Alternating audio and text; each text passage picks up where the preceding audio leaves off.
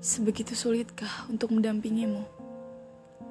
Asal kau tahu, aku selalu berusaha agar menjadi yang lebih baik untukmu. Mengertimu, mencintaimu, mencoba meneleri segala baik dan burukmu.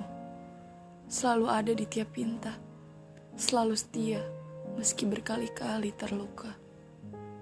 Tapi aku rasa tidak ada yang lebih sakit daripada ini. Ketika telah mencoba sepenuh hati untuk bisa menjadi pendamping yang baik, namun berakhir dengan cara digantikan oleh seseorang yang baginya jauh lebih baik. Aku kalah. Bahkan dari sebelum berlomba pun sebenarnya aku sudah kalah. Di matamu, entah aku sekecil apa, atau bahkan sama sekali tidak ada.